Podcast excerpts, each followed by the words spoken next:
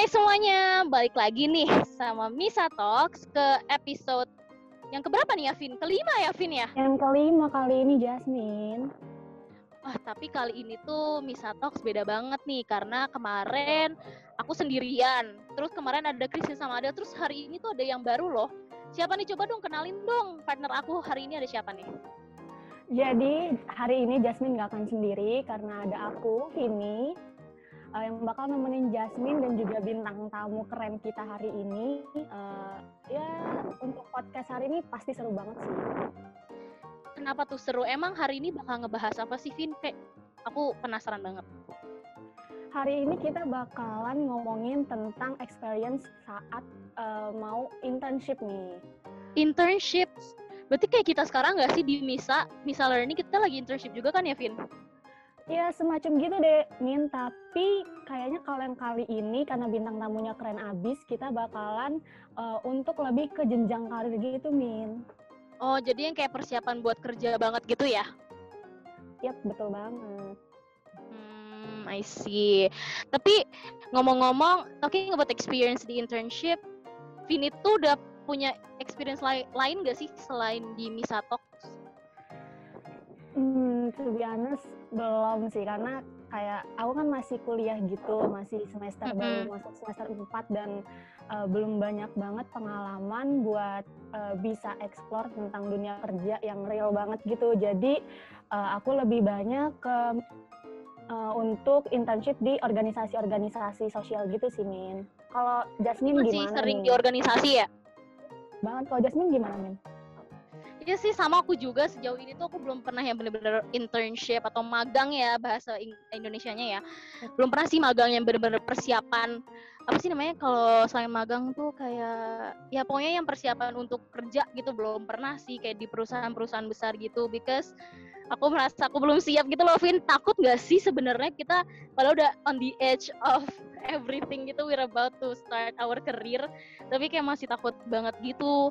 Tapi pengen sih mau coba gitu untuk bisa mulai experience di jenjang yang lebih apa ya namanya kayak lebih serius lagi gitu daripada hanya sekedar uh, organisasi perkuliahan atau mungkin yang saat ini kita lagi di berada di NGO ya atau uh, NPO gitu. Pengen ya, nyoba bener. sih tapi takut gak sih Vin how to start it gitu? Takut banget sih karena jujur gue belum aku belum pernah punya pengalaman sebelumnya. Jadi uh, bingung banget apa aja sih yang harus disiapin dan gimana sih caranya itu uh, supaya kita bisa kan kayak pertama kali banget tuh pasti ada pressure sendirinya nggak sih buat kita ya kan? Hmm, betul sekali.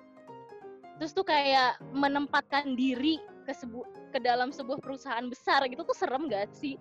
Kayak bagaikan semut gitu gak sih? Kayak oh my god I'm so small gitu ya. Betul banget, betul banget gue.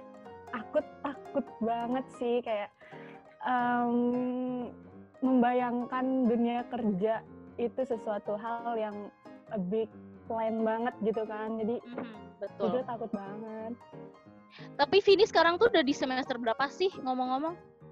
Aku baru mau masuk semester 4 semester 4 berarti aku uh, lebih duluan aku nih aku udah semester 6 nih. Berarti bentar lagi banget nih. Dan aku masih ngerasa takut Vin gila gak sih? Kayak aduh padahal bentar lagi I have to start my career as soon as possible. Gitu gak sih? Aduh. Apa kita panggil aja kali ya bintang tamu kita sekarang banget? Karena nih, banget nih.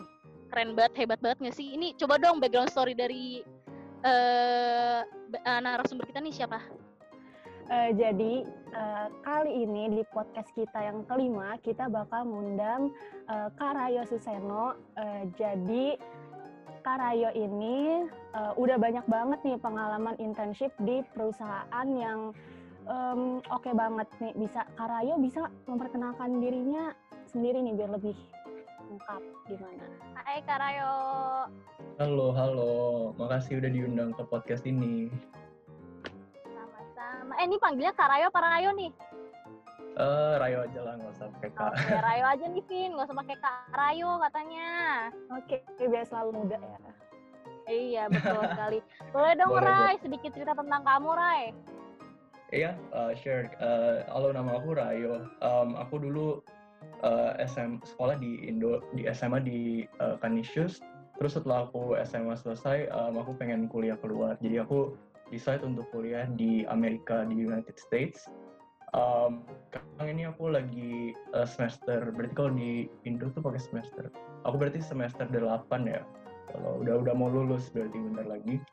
Aku udah semester 8 di sini aku belajar teknik bio uh, atau bioengineering. Um, yeah I think that's about it for me. Hmm, mantep banget tuh, Mantap Vin. Mantap banget. Keren banget sih. Apa tuh ya? Aku cuma televisi dan film. Eh, enggak dong, nggak boleh gitu ya. Kita nggak boleh gitu ya. Kita Nggak boleh, nggak boleh, nggak boleh. Semuanya keren, semuanya keren. Oh ya, Karayu di mana universitasnya by the way? Tadi kayaknya belum dikasih tahu deh.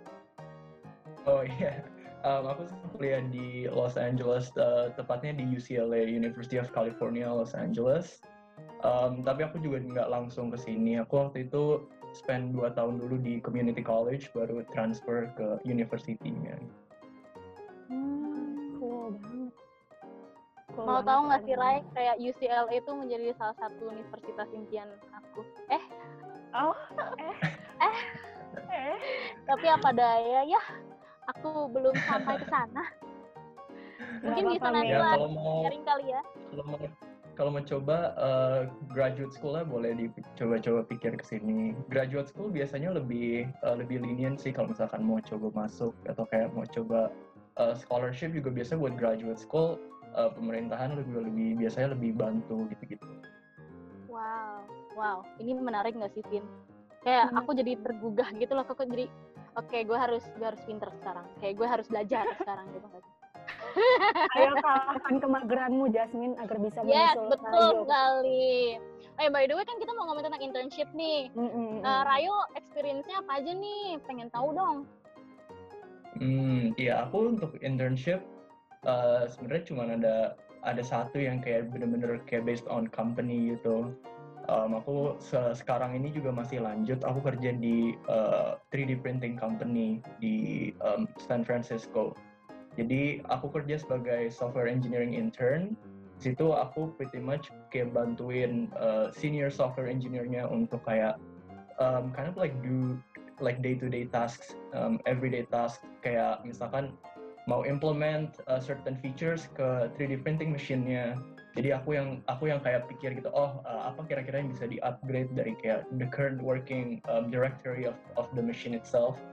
Um, and then uh, sama supervisor aku kayak dikasih tahu kayak dibimbing, dilatih gitu kayak apa sih yang kamu perlu bisa gini gitu-gitu. Um, aku mulai um, internship ini itu bulan berarti summer last year. So it was September of 2020. Um, dan aku fortunate enough buat mereka mau extend offernya. Jadi originally itu aku sebenarnya cuma over the summer plan-nya, which is itu berarti dari Juni sampai uh, Oktober. Tapi setelah aku kelar eh, kelar programnya over the summer, uh, mereka decided buat extend offernya. Jadi sekarang aku kerja part time internship sambil sekolah juga. Wow. Wow. Banget. Hebat. Bisa sampai ditawarin loh Jasmine. Iya. Eh, itu itu hebat banget sih. It- itu one of one of my goals sih sebenarnya kayak gue eh gue aku aku lupa. Aku aku pengen banget bisa ke internship terus nanti jadi full time atau maybe part time kayak Rayo gini tahu. Kayak karena kayak itu bisa jadi startupnya kita gitu nggak sih itu jadi batu loncatan gitu berarti ya Ray?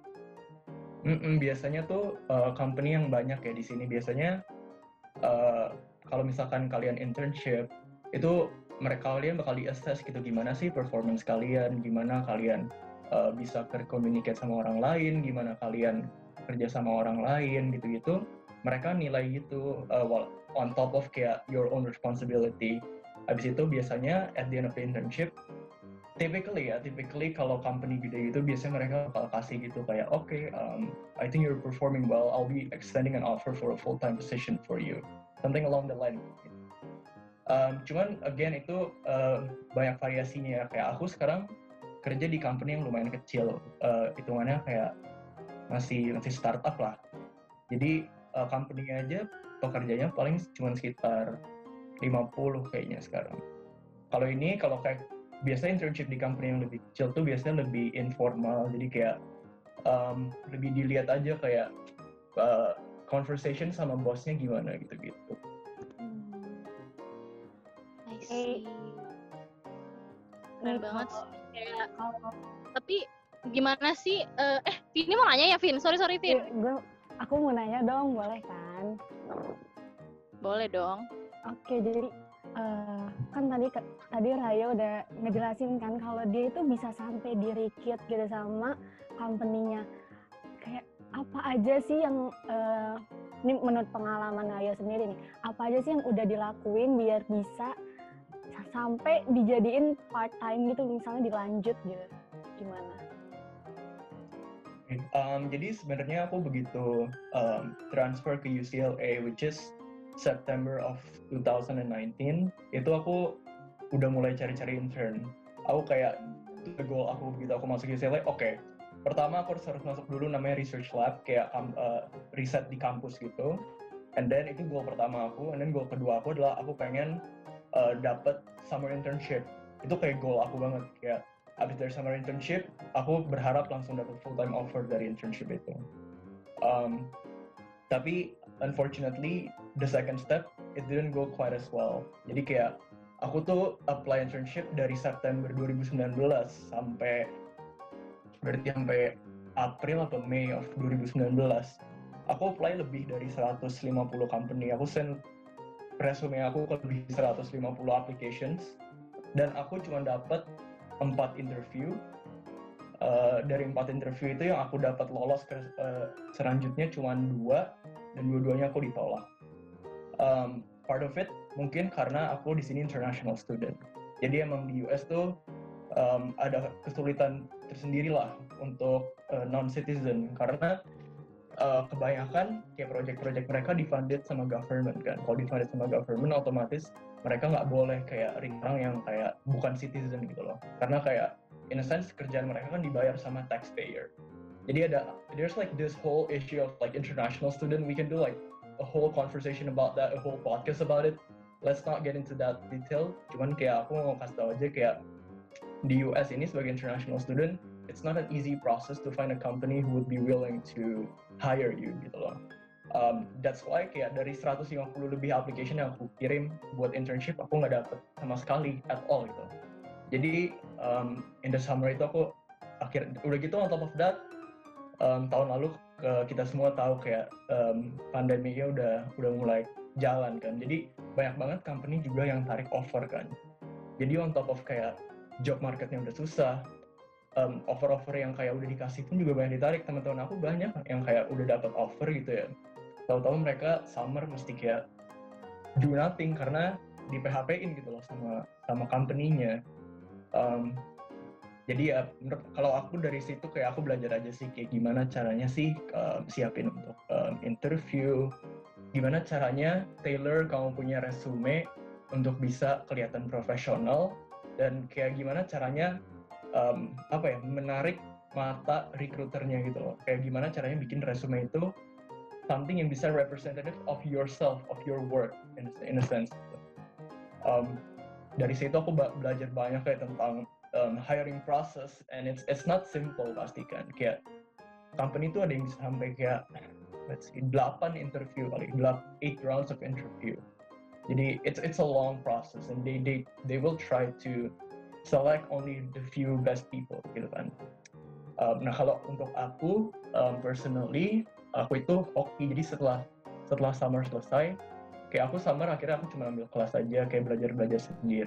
Jadi udah gitu aku dapet uh, ada kenalan yang kayak bilang eh gue lihat tuh ada ini nih ada um, experience di programming. Mau nggak uh, ini ada senior software engineer yang perlu bantuan terus kayak ya udah aku bilang ya udah nggak apa-apa coba aja jadi kayak walaupun aku kayak apply to all those um, different app, uh, companies all those applications that I send in a sense itu semua kayak meaningless gitu karena yang bikin aku dapat internship aku sekarang in the end adalah personal connection. Jadi itu satu hal yang menurut aku penting banget untuk dunia kerja ya. Both for internship atau kayak full time position, kamu harus punya connection. Apalagi kalau kamu punya insider connection sama orang yang kerja di company-nya, itu bakal berharga banget. Wow. Connection berarti Vin ya.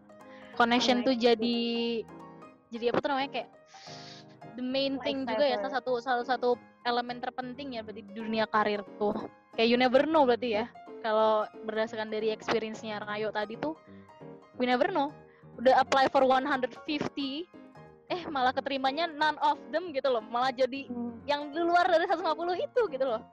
Itu hebat sih. Nih ini dari Rayo tuh punya nggak em, tips untuk bisa memperbanyak link kita atau connection kita? Hmm, tips untuk perbanyak koneksi. Ya, Amin kalau sebelum kayak sebelum pandemi kan biasanya di kampus banyak. Ya aku nggak tahu ya kalau misalkan di kampus di Indo gitu ada suka banyak um, recruitment event ya nggak atau kayak info session gitu kayak company company suka datang ke kampus dan then kayak they would give a talk and something along the line gitu enggak ya Hmm, enggak sih ya. enggak sih kayaknya seingat aku mah Jadi Hmm. kalau di Indo tuh lebih kayak kita yang minta gitu, kita yang nyari. Ya betul kan? betul banget jadi eh, kalian yang nyari kayak kalian yang reach out ke company-nya gitu ya untuk kayak eh, minta minta kayak posisi in a sense gitu oke Iya. oke yes Um, exactly Wah, like that aku- Hmm, oke oke. Iya, I guess kalau gitu mungkin sarannya itu kurang membantu ya. Cuman kayak kalau untuk memperluas koneksi, menurut aku LinkedIn itu sangat bagus kayak itu itu salah satu opportunity yang paling paling bagus di luar sana untuk berbesar koneksi kayak em, yang aku lakuin belakangan ini ya. Ini aku lakuin baru banget ya baru sebulan terakhir gitu. Aku tuh mulai coba cari-cari orang di LinkedIn yang em, job description-nya, yang position-nya itu kira-kira aku tertarik gitu loh. Terus aku iseng aja kayak kadang-kadang send message gitu, hey, um, I'm really interested in your background. Um, would you be willing to have a coffee chat with me? Terus ya udah, aku cuma perlu maybe like 30 minutes of his or her time gitu. Dan kayak during that conversation itu sebenarnya kayak podcast juga sih. Kayak aku nanya-nanya gitu question ke dia kan kayak kalau kamu passionate about a field, kamu pasti come up with all these different questions. So it's, it should be like an easy process. Uh, kayak dari question itu, kamu, kayak kamu bisa show ke mereka kalau kamu passionate. On top of that, kayak kamu juga bisa uh, build the connection itself. Jadi kayak aku kemarin baru ngomong sama satu uh, senior um, genomic scientist di salah satu um, genetic sequencing company, which is itu field yang aku lumayan tertarik sekarang. Um, terus kayak aku cuma ngobrol aja asal gitu kayak um, aku bikin questions kayak tanya-tanya tentang journey dia gimana tentang kayak misalkan oh um, should I go for like a PhD or should I go for going to career um, right away things like that. Kayak tanya-tanya things kayak kayak gitu tanya-tanya tentang mereka punya um, mereka punya perjalanan terus kayak by the end of the conversation setengah jam gitu dia bilang oke ntar kamu kabarin aja kalau misalkan uh, pengen apply ke company aku, aku bisa jadi referral gitu loh. Dan itu kan berarti bagus banget dong kayak kamu udah punya in a sense kayak insider gitu loh. Kamu udah punya someone in the company yang bakal root for you. Dan menurut aku itu bakal bagus banget sih kalau kamu bisa set up coffee chat, ngobrol aja sama orang di luar sana yang um, mungkin line of work-nya kayak sesuai sama kamu punya interest. mantap Vin. Gitu Vin. Cara mulainya Vin. Harus berani dulu Vin. Ya nggak? Berani dulu. ya nggak sih? Harus berani berani. nanti kalau misalnya nggak berani ntar kita nggak punya koneksi ya nggak sih? Ya I mean the worst that can happen apa sih? Mereka bilang enggak gitu. Kayak itu sih ya udah Ya. kok, ya ya udah kalau ditolak ya udah oke thank you for your time. Then there's still a lot of plenty of fish in the sea gitu in a sense. Kayak um, just reach out to people. Kayak jangan takut kayak um, asal asal kamu ya mereka dengan dengan respect gitu loh. Kayak kamu message dia juga jangan kayak kalau nggak dibalas message lagi gitu. Kayak ng- ngertiin mereka punya kayak private space ngertiin mereka juga kayak orang yang udah kerja gitu kan. Orang kerja pasti sibuk. Kayak be respectable aja sih. Biasanya people on LinkedIn if they're like good people who made their way through the career mereka biasanya reasonable people. And they, they should understand like you're like we're all still college students and um, ya mereka tahu juga. They, they've been in our position gitu. Loh Hmm. Tapi kalau misalnya emang apa ya memulai sebuah karir berarti kita ngomongin tentang internship lah gitu ya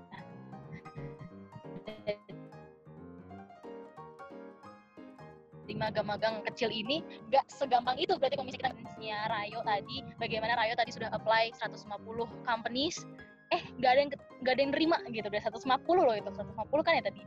Berarti emang harus kuat mental ya. Dan itu do you have any tips on how to strengthen our mentality dalam starting up our career? Hmm, strengthen mentality. Aku bisa kasih tips sih, cuman itu eventually balik lagi ke orangnya kayak niat atau enggak kan. Um, if if I were to give advice to myself, aku bakal cu- cuman kayak ngomong um, lebih kayak lihat ke depannya aja sih. Kayak make sure you know what you wanted to do. Kayak if you know what you wanted to do, it's going to be easier for you to find to get out of bed and then find a reason to do it. Okay, I, I, that's what I, I would like um, like give advice to myself kayak kamu harus tahu gitu loh kayak kamu mau ngapain sih? Kayak kenapa kamu mau kerja di company? Kenapa kamu mau do all this stuff? Kenapa kamu mau apply ke 150 different companies? Ya karena kamu tahu gitu ada yang pengen kamu raih ada yang pengen kamu capai. Jadi menurut aku make that goal make that goal and then just yeah just keep being focused to that one goal. Itu yang bakal aku kasih advice buat buat myself maybe like a year or two years ago.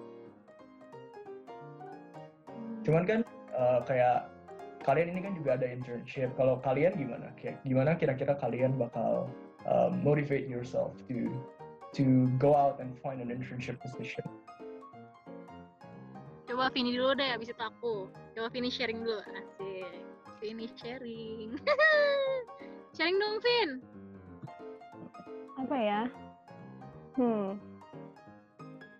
Em, mungkin karena dari lingkunganku juga kali ya, dari lingkungan pertemananku itu belum ada yang eh, untuk fokus ke kayak ke jenjang karir karena mungkin kita juga baru kuliah gitu, masih agak culture shock juga awal-awalnya dari SMA ke kuliah. Mungkin kalau dari aku, aku sendiri, aku pribadi, aku lebih untuk yang first step gitu, aku eh, kayak magang di organisasi, kayak yang aku lakuin di MISA sekarang ini, aku magang di organisasi, aku aktif juga di organisasi kampus, di luar kampus juga. Menurut aku, eh, awalnya aku berpikir kayak gitu tuh udah cukup nih, udah cukup nih kayaknya untuk pengalaman aku, aku kayaknya meneruskan untuk hal ini aja. Tapi setelah aku belajar nggak cuma dari eh, magang-magang aku yang aku lakuin di organisasi, aku juga kayak berpikir gitu loh. Ternyata kalau kita kerja, pengalaman magang di organisasi itu nggak cukup. Dan aku rasa kita harus banget nih untuk nyoba eh, kayak yang tadi Rayo dan Jasmine bilang kan, kita harus berani untuk nyoba apply ke company yang mungkin sejurus s- sejurusan dengan apa yang kita mau gitu kan. Hmm, kalau dari aku sih, aku bakal nyoba, aku bakal mau nyoba untuk eh, bisa nih kayak Rayo atau nyoba untuk bisa apply ke hmm, perusahaan yang mungkin aku tertarik gitu. Kalau dari Jasmine nih gimana Min? Oke, thank you Vin sharingnya. Vin, um, my experience tuh kurang lebih mirip sih sama Rayo to be really really really honest kayak how I apply to ya nggak sebanyak Rayo sih sampai seratusan lebih company sih ya yang dia apply gitu. Kayak kalau misalnya di total paling like around 50-ish companies yang aku apply and ya sama persis juga sih sebenarnya kayak nggak nggak nggak diterima gitu. Dan bahkan you know the worst case itu menurut aku saat kita apply dan kita tidak dapat email yang menyatakan kalau kita tidak diterima. Itu sakit banget gak sih? Atau Vini atau Rayo pernah kan ngerasain itu kayak seenggaknya kasih email kayak aku nggak diterima gitu ya sih so like I was waiting for quite a long time gitu for some company untuk ngabarin ternyata nggak dikabarin. Tapi aku ngecek gitu sih di Instagram kayak oh udah udah keluar gitu hasilnya. And um, itu mungkin secara material gitu ya kayak aku mulai apply apply terus aku mulai memper dalam kutip ya dalam kutip memperindah. Tapi bukan bukan pencitraan ya memperindah uh, eh, CV gitu terus mulai bikin resume eh resume apa namanya portfolios about my apa for my works gitu kan. Karena kebetulan uh, bidang yang aku apa ya aku tekuni atau yang aku punya passion itu tuh emang perlu apa namanya berbentuk karya gitu loh. Jadi kayak I needed to make a portfolio gitu. Dan kalau boleh jujur ya ini tadi sempat di uh, diangkat nih diungkit sama Rayo about LinkedIn. Kalau boleh jujur aku pernah insecure ngeliat LinkedIn orang lain. Rayo gimana dong? Aku insecurean orangnya. What what can I do with the insecurities that I feel when I look at other people's profile? Terus kayak ngelihat experience experience mereka kayak udah pernah jadi ini ini ini gitu. How how? How I see I see. Yeah I mean we've all been there gitu kayak when when you start using LinkedIn kayak oh ini orangnya udah kayak intern di XYZ companies and all that. Um, kayak buat aku aku juga dulu pasti pernah overwhelmed terus kayak kalau aku mikirnya lebih kayak oh ini platform buat aku tahu kayak what are the different companies out there gitu. Jadi don't don't take it as like it's something that overwhelms you, but take it as it that it's something that you can use as an opportunity buat educate yourself. Um, kayak misalkan uh, kamu punya connection, dia udah kerja di misalkan McKinsey, and dia kerja di Boston Scientific, kamu boleh overwhelm, cuman kayak kalau kamu bisa use that to your advantage, kenapa enggak? Kamu bisa message dia gitu, eh gue lihat lu kerja di Boston Scientific nih boleh nggak uh, ngobrol dong pengen tahu kerjaan lu gimana dulu di kayak di, di bawah fun aja kayak apa ya kayak aku percaya sama notion kalau semua orang tuh ada waktunya nanti. Kayak semua orang pasti akan ada in a sense kayak their their time to to shine lah. Ya itu itu kayak lumayan cringe their time to shine. Cuman kayak um, menurut aku nggak as asal as long as you do your best um, eventually kita semua bakal bisa populate LinkedIn profiles kita with achievements yang kita bakal proud of. Um, and nggak usah nggak usah inilah nggak usah kayak overwhelm gitu gitu kayak overwhelm insecure itu bakal cuman menghambat kamu punya produktivitas. Um, tapi gimana caranya kamu ubah um, energi kamu yang kamu pakai untuk kayak insecure lah takut gini-gini gimana cara kamu ubah itu to your own advantage advantages gitu. Menurut aku sih. Tapi emang susah ya kalau insecure mah gimana ya Atupin ya, masih struggle ya, gimana ya?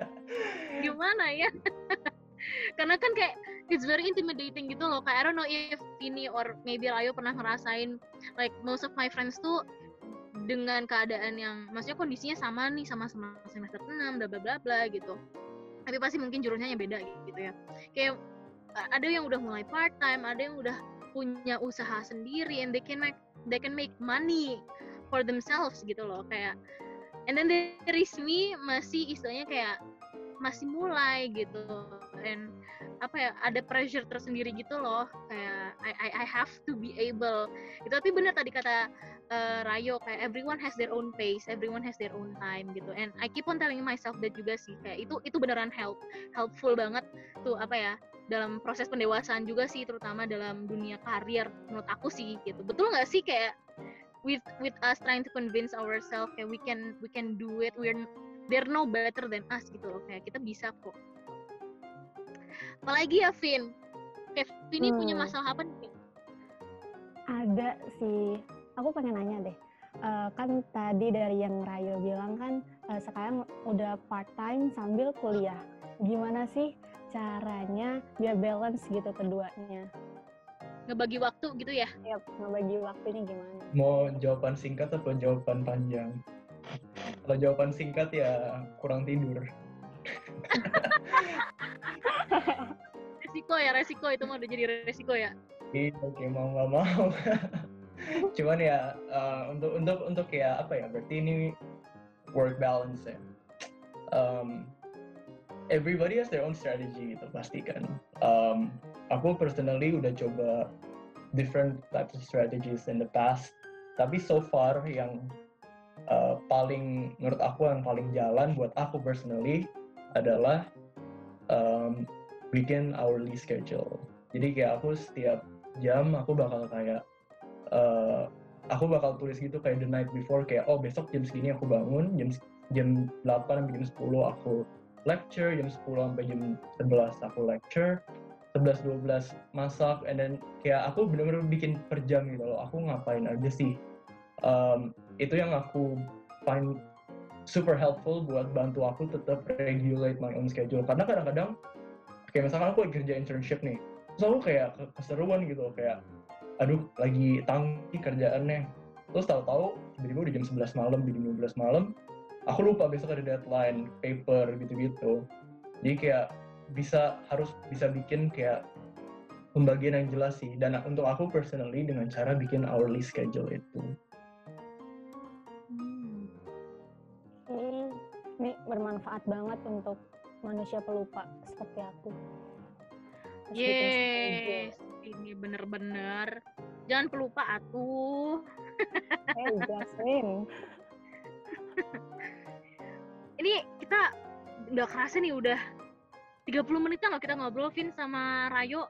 Gila, ini kalau kalau kita lanjutin bisa sejam duanya nih seru banget nih karena kebetulan nih Rayo kayak apa ya kayak bener-bener insightful banget nih tipsnya, info-infonya terutama nih apalagi nih Rayo dari US gitu ya mungkin kita hmm. ada nih teman-teman kita yang lagi dengan Misa Talks atau mungkin Vini atau aku pengen nih uh, melanjutkan karir atau mungkin studi ke ke luar negeri terutama di US tuh dapat uh, insight-insight dari Rayo nih pas banget ya nggak sih tapi hmm. sayang banget nih harus diudahin nih Vin karena kalau misalnya kita lanjutin bisa lama banget ya iya sih? bener banget nih pasti Rayo juga ada kesibukan lain ya di sini nih eh di sana udah malam nggak sih eh Rayo udah masih di LA Rayo masih sekarang ya. Aduh, di jam berapa di sana, Rai?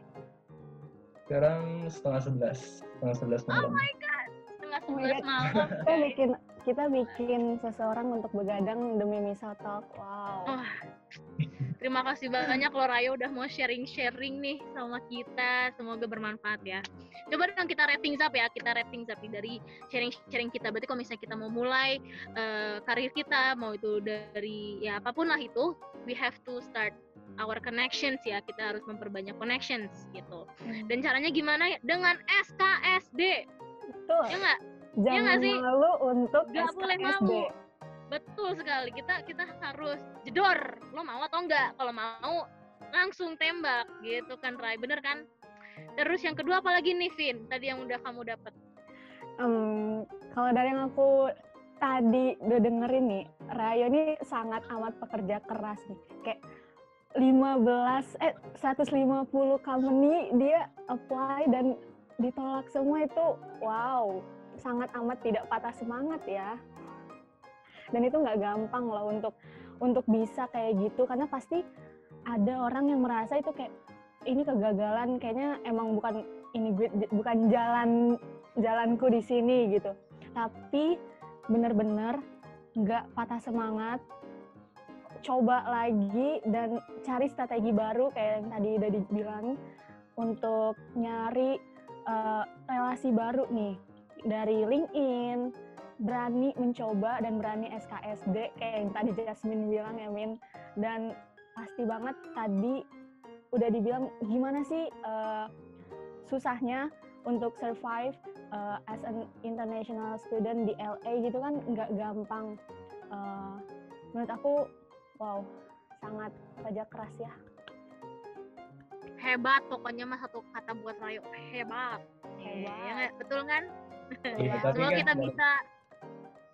Kenapa kenapa? Balik lagi kita semua sama kayak semua orang kalau mau juga pasti bisa jadi pasti bisa kayak reach to the point di mana mereka punya magang, punya punya uh, punya kayak kesempatan untuk kerja di company gitu gitulah ya uh, ini something kayak out of the line kayak something yang jauh banget gitu kok ini something yang sebenarnya ada di depan mata kita cuman kayak kita mau nggak go di extra mile buat um, reach that goal gitu loh. Kayak untuk eh, mau ingetin aja untuk teman-teman di luar sana kayak mungkin kadang-kadang kita semua kayak overwhelmed kayak um, intimidated sama oh gila teman-teman aku udah udah kayak do all these things gitu ya kamu nggak akan bisa sampai ke poin itu kalau kamu nggak bikin your own move gitu loh jadi kayak um, kalau aku mau kasih pesan untuk um, pelajar-pelajar di luar sana adalah kalian harus bisa uh, inisiatif kita harus bisa um, bikin supaya kita juga jadi orang-orang yang ketika dilihat LinkedIn profilnya juga bisa impress people gitu. Jadi ya um, menurut aku itu uh, juga penting lah kayak untuk kamu punya inisiatif sendiri untuk bisa cari-cari company sendiri, cari-cari apa yang kamu mau.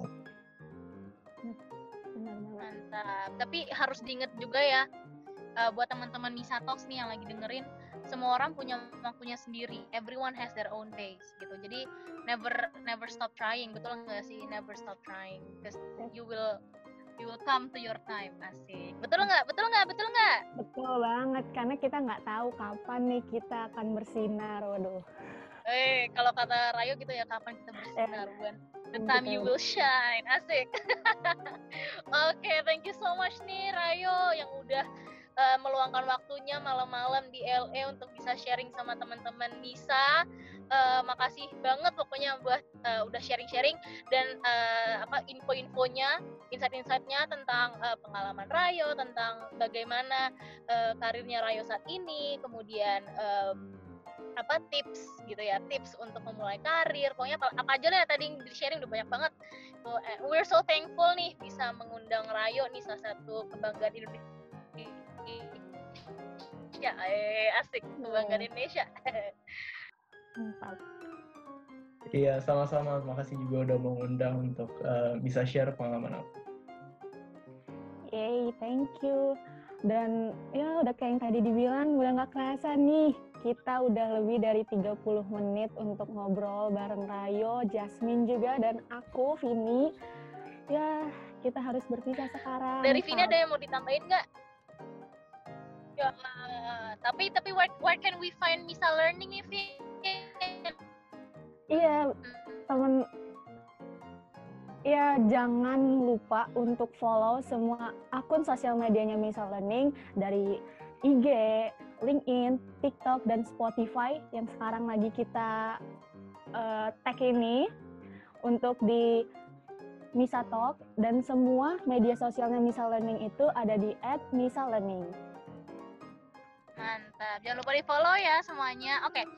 Sekian kali ya buat uh, episode kali ini. Semoga kita bisa terus sehat selama pandemi ini dan terus bisa produktif dan segala halnya dilancarkan. Uh, see you guys on the next episode. Bye-bye. Bye bye. Bye.